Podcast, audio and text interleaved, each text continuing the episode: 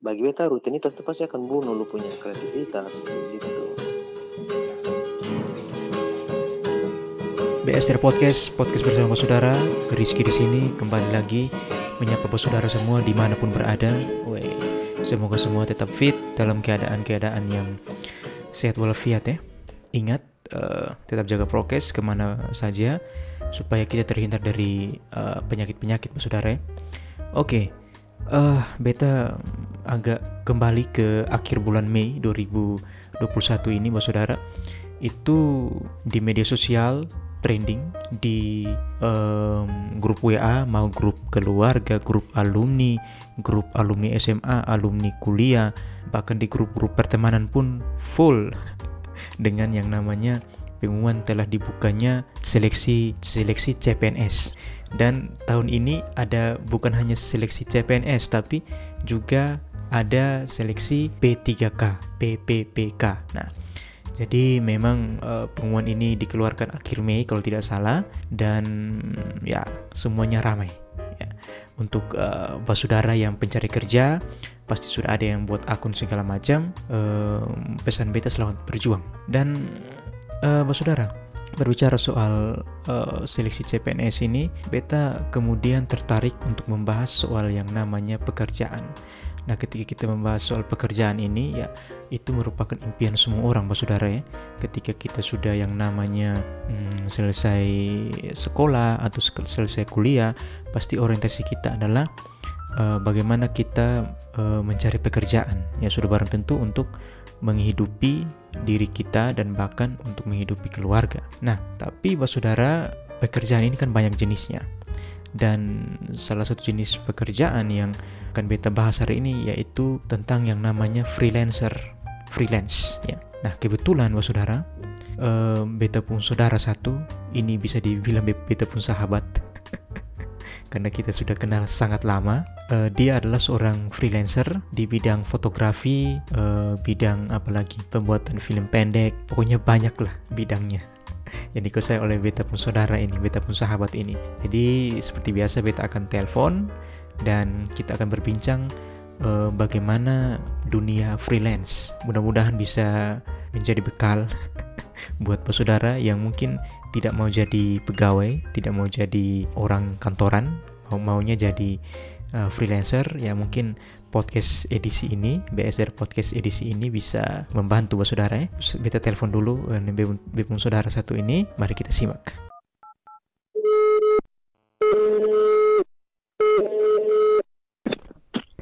Hola.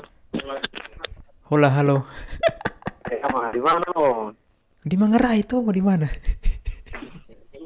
Sengaja sampai ada di Kupang tol. Eh, ku pulang ke mana ama ku cari nafkah nih. Mas di mas di kantor nih ku? Oh, di sekolah mas nih. Oh, wih pasti ada rame tuh. Eh, soalnya. Ada dengan kawan-kawan Jadi, aku sekarang ada masih ada proses penelitian begitu maksudnya selain selain mengajar tuh ada ke ada usaha lain begitu kok Wih, amai beta ini terlalu banyak ide di kepala tapi ini pandemi ini. tandem sana nah. Sama eh, pandemi ini bikin ketemu bisa bergerak. Wih di Kupang juga di Kupang DP ini lagi naik nah. Sama ama semua seluruh NTT lagi naik. Jadi memang hmm. beta di kos susun pernah di mana-mana juga memang bergerak ke mana ku Dek kemarin di Sumba tuh proyek apa? Ada SM dari Jakarta fokus di apa pendidikan dan kayak lebih ke dengan anak doang gitu-gitu loh. Oh. Jadi dong dong ada kasih bantuan untuk anak-anak dong terus kita juga bantu kawal program pemerintah tuh yang kau punya Indonesia Pintar tuh PIP itu. Iya iya iya. Dia dia bukan dia di model kayak dana bos tapi kan dana bos untuk operasional tuh iya, iya. lebih kayak uang uang saku lah buat siswa dong oh. bisa beli beli ini itu iya iya iya ini Amazon ada tergoda untuk tes PNS kok. Ini ada bukan nih? Oh iya kita bisa memilih penjalan hidup begini sama iya ya, ya itu segala kita untuk menjalani hidup itu sangat timbang sangat matang-matang nih karena berpikir untuk selain bekerja mencari nafkah dia mau kasih seimbang dengan Hmm, eh, hmm, pekerja bekerja sosial toh. Hmm, hmm, hmm. dengan bekerja untuk misalnya memenuhi dia punya hasrat. Iya sih. Hasrat kayak hobi gitu tuh Iya. bikin film terus kerja proyek-proyek kolektif dengan anak-anak dong yang maksudnya yang ada kayak pasaran pesanan orderan gitu-gitu kan Iya, iya. itu kan donor atau ke klien kan yang minta tuh jadi kebutuhan tuh Oh iya. tapi mm, kita coba kasih lagi beta cara kasih imbang itu sih Hmm, hmm, hmm, hmm. kayak gitu gitu Berarti memang Amazon tergoda ya untuk untuk mencari untuk ikut CPNS. oh sama sekali soalnya deh Berarti kau sama ama. nah beta kayak pekerjaan kan beta juga sempat kerja ini tuh kerja di eh, NGO itu tuh NGO lokal tapi di yang yang model skema gaji itu kan gaji bulanan Ah, ah, ah. itu beta cuma dua tahun dua tahun lebih Oh, berarti ama pernah kerja di ini NGO tapi yang kayak anggapnya Oh, pegawai lah begitu. skema gajinya gaji bulanan Ah, berarti hitungnya pegawai itu tuh ama. iya itunya staff tuh Ah, tapi Amazon nyaman ya. ya kata sisi sudah nyaman tuh saya dua itu hitung kayak dalam kerja dari saat dari hari Senin sampai Jumat toh Iya, pakai jam kerja. Mm-mm. dan jam kerja dari jam 9 sampai jam 5 biasanya bisa begitu Oh. kan kita coba-coba tuh kira-kira Bisa kok kan sonde. baru tuh baru 2016 sampai 2018 toh. Ama sampai habis pegawai begitu. habis kuliah. Nah habis kuliah 2014 Ah, masa freelance toh freelance. Terus coba-coba ada tawaran yang udah yang tawar beta aja tawar beta untuk skema staff be ambil. Cuman 2018 be langsung resign. Iya, memang karena ketong kan suka lama. Tuh ama. Jadi memang gue tahu bahwa ama tuh sonde sonde nyaman kalau harus jadi pegawai. Nah, pe- pegawai ini kan iya punya istilahnya working working hour lah. Kayak iya jam setengah 8 sampai jam 3 begitu. Mm-mm. Terus ini penghasilan per bulan tuh pasti tetap tuh ama. iya Tapi pekerjaannya sebenarnya orang pegawai itu kan di bawah tekanan tuh ama orang pegawai ini. Maksudnya dia kerja kan pasti ada kayak misalkan atasan suruh lurus kerja ini. Berarti dia lebih ke dibandingkan dengan freelance itu kan dia lebih bekerja dalam tekanan sebenarnya ama. Hmm. Kalau bagi beta sih setiap model kerja entah dia freelance atau dia skema staff Iya yang iya. gaji bulanan dia pun jenis tekanan sama sebenarnya model-model Hmm. tekanan sama freelance juga ada deadline freelance juga satu dengan beberapa kesepakatan kerja yang dibangun cuman Iya iya. eh, apa ya yang beta yang bikin beta sonde sonde terlalu nyaman dan tertarik itu adalah hmm, ketong bekerja eh, tapi ke ke ada waktu untuk ketong melakukan hal lain begitu bayangkan ketong karena kerja Senin sampai Jumat Iya iya. nah, gitu itu itu terlalu terlalu sangat menyita waktu dan ketong kayak mesin gitu Iya sih. kalau ketong freelance Iya iya. walaupun ketong diberikan satu tanggung jawab begitu Iya. mengerjakan ketong bisa memilih ketong kerja di hari apa Oh iya. Ja- jadi dari Senin sampai Jumat ketong bisa pilih ketong kerja hanya di hari Kamis atau ketong kerja di hari Selasa Iya iya. tapi ketong bisa bekerja di malam hari Iya di iya. sore hari kayak gitu gitu Berarti kotong atur sendiri. nanti dia pun durasi jamnya ketong tambah ketong bisa kerja Oh iya iya. dari pagi sampai bisa kembali dini hari. Walaupun itu kan ketong kerja lagi dengan senang ketong Iya iya iya. mood kerja lagi ada. Iya iya iya. Bisa tahu ada beberapa titik beta tuh ada kayak lagi eh, kayaknya mood kerja kayak kayaknya tiba-tiba ini hari ah, lagi lagi ada entah Mhm. apa yang berpengaruh kayak gitu mood lagi enak. Itu kerja bisa. Sekarang sampai lupa makan kayak gitu. Iya, karena nah susah itu beta sampai temukan tuh di di skema-skema staff-staff atau kerja-kerja yang menjadi staff tuh. Iya, memang kalau yang beta lihat tuh ke teman-teman yang ini freelance tuh kan ini waktu kerja tuh atur sendiri. Jadi eh, tapi ama ketika ama atur sendiri berarti ada ada titik di mana ama juga harus manajemen waktu bagus. memang Iya, justru freelance itu dia punya tekanan untuk profes profesionalitas tuh lebih beta pikir dia lebih ini ya iya lebih ama. lebih tajam ketimbang Iya, iya. Eh, kerja staff eh, staff gaji bulanan. Iya. Kenapa? Karena ini kotong di, di dipacu untuk bisa uh, produktif di di saat-saat yang memang kotong harus dipacu untuk produktif. Iya, Nah betul. kalau kotong skema bulanan, eh, kotong kan melakukan sesu- sesuatu hal yang rutinitas dari saat dari Senin sampai Jumat Iya, itu iya. hal yang berulang-ulang dan bagi beta rutinitas itu pasti akan bunuh lu punya kreativitas kayak Betul, gitu. betul ama. Jadi beta eh, pikir sudah beta memilih untuk bekerja apa kayak gitu. Tapi Iya. tuntutan deadline, tuntutan eh, apa eh, tekanannya sama dari klien juga ada tekanan gitu. Terus ama, kalau kan kau sudah omong soal waktu nih. Kalau soal penghasilan ke mana ama? Kan tadi kau sudah singgung bahwa misalkan kayak orang pegawai kan per bulan pasti tuh. Sedangkan orang freelance kan kadang ada orang yang sudah mau jadi freelance karena takutnya kurang pasti begitu. Kalau menurut ama ke mana itu? Nah, itu ini salah satu yang jadi apa ya jadi eh, bahan bicara ya pokok pembicaraan kalau Iya. bicara freelance nih. Iya, iya. Karena kan kalau kalau di beta pengalaman eh, salah satu yang eh, bikin beta bertahan adalah walaupun kotong dua tiga bulan sudah dapat pekerjaan, Iya, iya. tapi ketika kotong eh, di beta titik kayak biasa tahu freelance yang lain Iya, iya, iya. dapat dapat satu pekerjaan itu kotong bisa bisa memenuhi kotong pung atau bisa kotong bisa bertahan hidup mem- tutup tutup yang dua sampai tiga bulan lagi ke depan Oh. Begitu jadi contohnya beta dapat beta sebut nominal contohnya beta sebut beta dapat bisa sampai eh, 10 atau 15 Itu tutup yang tiga bulan yang sudah bekerja yang- tuh. ah kayak gitu Hmm, itu. jadi saya pikir ya sebenarnya sudah terlalu dari sisi penghasilan sudah sudah terlalu beda-beda amat yang penting Iya, iya. Justru kalau kotong freelance kotong dipacu untuk bisa saving tuh dengan apa distribusi dia punya keuangan tuh kotong su, su harus bisa pastikan kayak gitu. Iya sih, betul betul beta kan pengeluaran bulanan kan beta sepasti Iya, jadi beta su harus bisa saving. Ini kira-kira betul di bulan ini kalau beta dapat pekerjaan maka eh, dari pekerjaan beta harus ambil berapa. Beta Betul harus betul. kasih patok berapa untuk bisa tutup beta pun. Ini penghasilan peng, apa pengeluaran bulanan. Betul betul Gitu. am. Berarti bukan hanya pengaturan waktu sama, pengaturan pengeluaran juga harus harus baik. iya Karena harus bisa diatur baik-baik ya iya iya. Berarti memang Be baru tahu nih bahwa memang freelance itu sebenarnya bukan hanya dituntut apa kotong kerja sesuai kotong punya kotong atur waktu tapi juga kotong juga harus atur ini keuangan nih. Kalau orang pegawai kan ama beta berani bilang bahwa kenapa anak-anak muda sekarang tuh kayak sekarang ada musim-musim CPNS nih ama banyak yang mau Hmm. jadi PNS karena apa? Karena adalah secara penghasilan tetap ama Mhm. walaupun ya beta sonde bilang apa ya tapi intinya tiap bulan ada lah begitu. Karena ditanggung negara. Tapi kayak orang yang kayak ama dong yang freelance tuh itu sebenarnya eh, perjuangannya juga luar biasa karena pengaturan waktu dan keuangan tuh.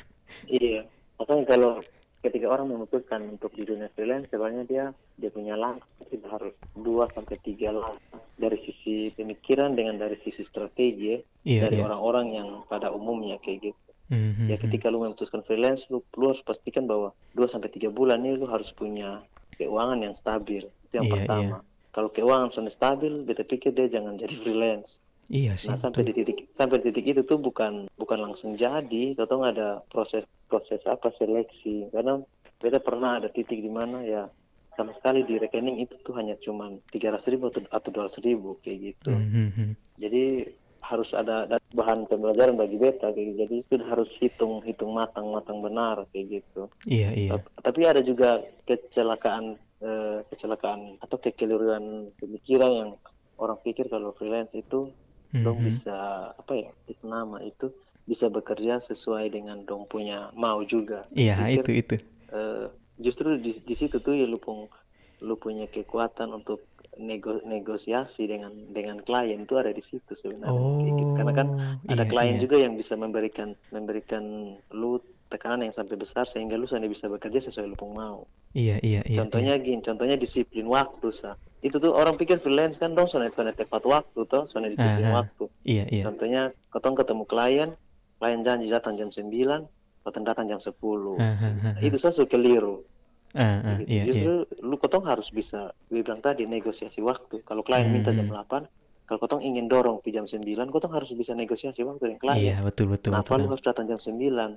Ah, ah, ah. Nah itu biasa ada nego- negosiasi-negosiasi di situ. Iya, iya. Makanya orang bilang freelance ada freelance yang dong su sangat profesional gitu dan bilang eh, ketika waktu meeting pun waktu ketemu dengan klien itu sudah dihitung kerja dan lu harus bayar Oh. dia punya waktu Ah, betul, betul, gitu betul. gitu. Betul, itu su itu freelance yang sebenarnya pikir su dia belum ada titik itu tapi itu ini soal perihal orang yang bilang eh, Iya, iya. beta bisa bekerja se, se, semau beta Iya, semau beta itu adalah lu punya kemampuan untuk negosiasi iya, sebenarnya. betul, betul.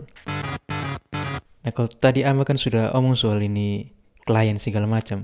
Nah, tadi beta berpikir juga bahwa jadi freelance ini kan sebenarnya butuh modal. Jadi contoh kan dulu kotong kuliah tuh Ama, beta tahu bahwa Ama dulu di kampus, artinya kotong di kampus tuh kan bergaul segala macam dan eh, kejadian di, di BPMKK juga Ama bahwa ketika kotong bergaul segala macam, kotong sudah membatasi pergaulan tuh ketika kotong terjun di dunia kerja itu sebenarnya kotong pun jaringan banyak. Nah menurut beta jaringan tuh adalah salah satu modal untuk menjadi freelance ama. iya Kalau menurut ama ke mana? salah satu modal. Betul lama betul sih. Kalau kita pikir sih sebenarnya hitung akar ya hitung akar itu dari punya eh, kultur pendidikan di Indonesia kalau beta sih ah, maksudnya Ah, kalau iya, kamu iya. masuk di dasar karena kan kultur pendidikan yang terbentuk di ketong itu adalah ketika lu sekolah Mhm. ketika lu kuliah itu lu duduk di bangku pendidikan itu lu akan menjadi apa ya orang yang akan bekerja di perusahaan-perusahaan Iya iya intinya konteksnya langsung pekerja industri kayak Iya, gitu toh. sehingga yang di yang dinilai itu adalah lu punya kepintaran secara akademis iya betul betul. Nah, rata-rata orang yang pintar secara akademis itu tuh yang sepengetahuan beta tuh eh, tidak terlalu cukup kuat untuk di eh, hubungan sosial dengan orang-orang di sekitar yang Betul, teman kayak gitu. Betul betul. Nah, justru terbalik dengan teman-teman yang dong punya banyak teman, punya jar- iya. banyak jaringan yang kamu bilang, Iya iya tapi dong sonde terlalu kuat secara akademis. iya betul. Nah, jadi berpikir sih eh, ada orang yang pikir "Eh, kita mau kita mau sekolah, mau kuliah, mau jadi PNS. Tapi jarang orang yang eh, kultur pendidikan yang bilang ketika sekolah itu yang harus di- dibangun itu adalah lu punya bagaimana lu bisa membangun jaringan, bagaimana lu bisa membangun istilahnya apa? Komunikasi dengan Iya orang. iya gitu iya sih.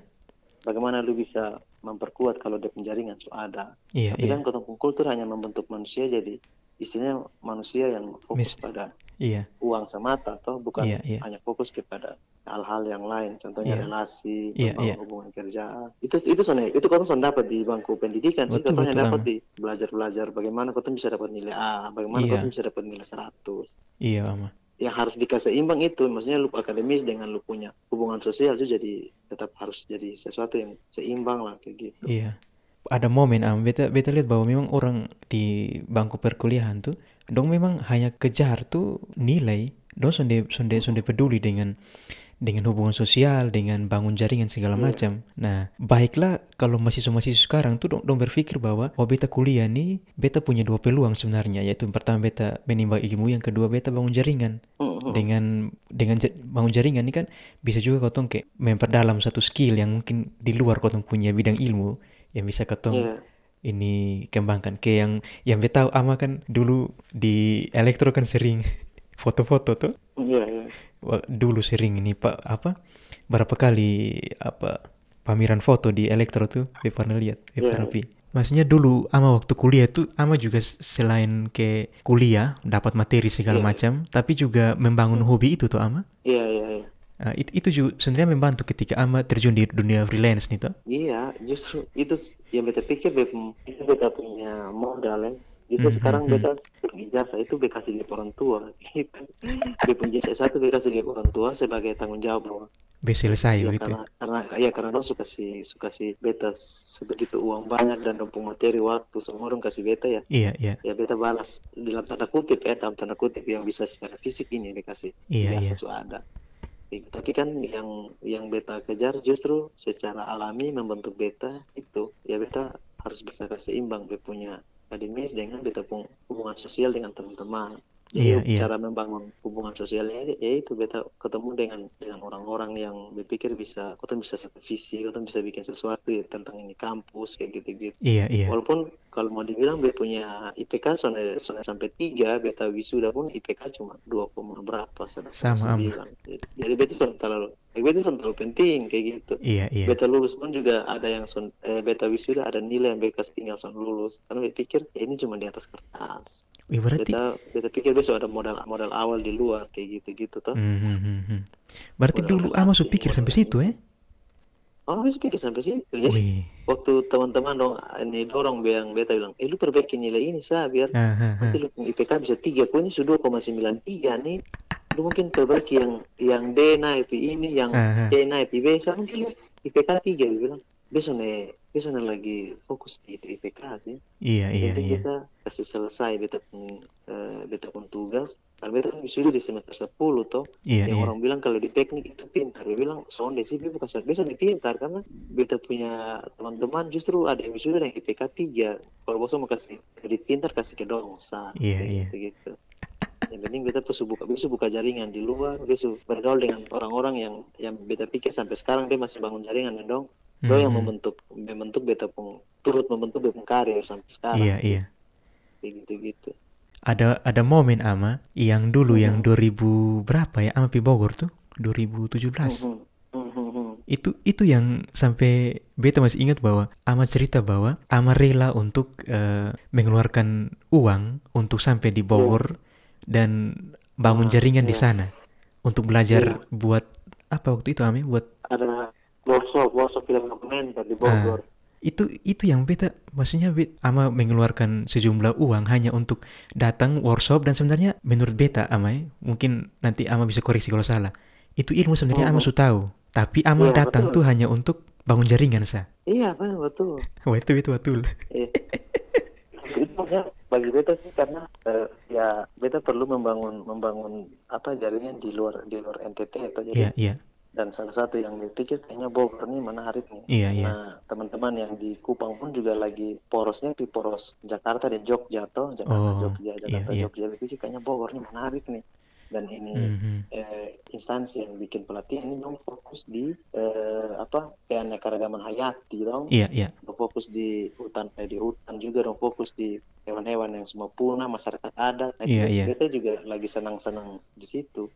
Cuman dong pakai pendekatan advokasinya pakai medium film film iya dokumenter. iya iya. Terus dari lihat materi-materi ini cara eh, membuat film dokumenter. Nah ini kan kita tahu cuma dipikir dicek-cek di narasumber semua di narasumber keren-keren iya iya ada iya. yang membuat film bawah air kayak gitu-gitu ada yang main sampai di Papua sana kayak gitu Mhm, mhm. Sudah jadi waktu dong minta bayar untuk sekian pun dua digit pun beta kayak beta itu soal soal kayak gitu. Karena Iya, berpikir iya. bangun bangun bangun jaringan juga harus ada yang lu keluar. Karena berpikir betul ama eh, kalau su masalah komersil karena kan ini su dia omong kan pikir masalah kalau masalah komersil maka kau logika ataupun untuk nilai-nilai yang kau anut iya kau iya. harus pikir investasi gitu. Iya iya iya. Jadi entah kau investasi materi ya atau kau investasi nilai nanti kan kau juga akan panen itu. Ada istilahnya itu sih. Istilahnya high risk high, return om. Eh, ini ama. Jadi Iya, semakin iya. besar risiko yang kotong ambil nanti di penggembalian juga semakin besar sebenarnya sih.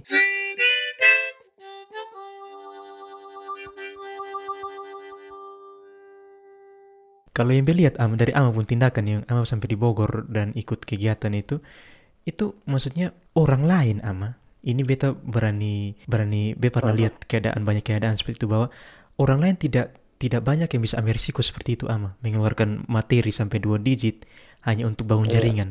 Banyak banyak Hmm. orang sonde sonde sonde pikir begitu ama. Yang sampai sampai di sana tuh beta kayak merasa sendiri. Kenapa? Karena yang peserta-peserta yang datang nih ama tahu dong tuh diutus oleh kantor. Iya. Jadi teman-teman peserta nih dari BLH, BLH Papua BLKH pokoknya Balai Lingkungan Hidup yang dong tuh semua tuh utusan-utusan kantor. Ada yang diutus oleh ini WWF gitu. Iya iya yang diutus yang beta bawa nama komunitas yang komunitas yang komunitas kecil nih hanya beta nah, jadi be- waktu dia ngomong tuh semua kira wih kok bisa iya iya, bahkan komunitas kan harus ada uang iya. orang pasti pikir begitu tapi untuk untuk harga se- sebuah jaringan dan ilmu itu kan Iya. memang kau harus berkorban Iya, beta berani bayar sih. Beta sangat sangat sangat pokoknya kalau untuk resiko-resiko beta berani berani ambil sih kayak gitu. Untuk kayak resiko alat-alat yang beta pakai juga untuk iya beta iya. eh, sekarang alat-alat produksi kan Hmm, nah itu beta ambil resikonya dengan dengan pinjam di koperasi. oh.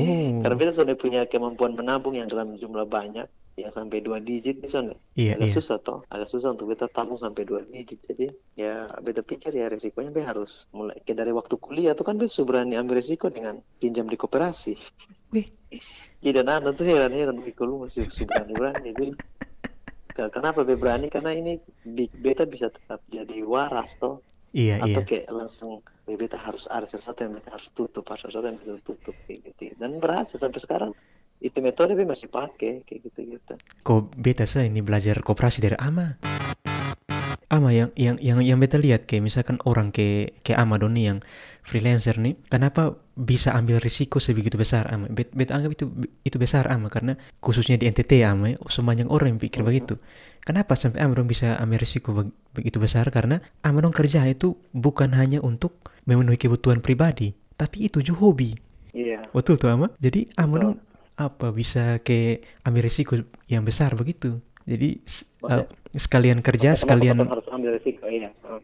sekalian kerja, se- sekalian memenuhi apa tuh ambisi pribadi, mungkin bisa dikatakan begitu Ama. ya? Iya, bisa dikatakan begitu. Karena kan eh, kalau yang sekarang kita coba di ini adalah bagaimana kalau secara secara media ya bagaimana kita punya ambisi pribadi ini bisa juga tet- bisa juga tetap terkoneksi dengan kita punya eh, apa semacam sesuatu yang bikin kita dapat hasil kayak pendapatan Ah, itu yang ah. kita coba coba kasih imbang walaupun nanti treatment treatmentnya pasti berbeda toh Iya, iya, iya. treatment beta untuk eh, klien dengan treatment beta untuk beta punya ambisi pribadi ke Hmm, hmm, proyek-proyek pribadi itu jelas berbeda dengan treat. hmm, hmm. Cuman di media be masih tetap pakai sama, be masih tetap pakai kamera, Iya, iya, masih tetap pakai beberapa medium kayak video juga.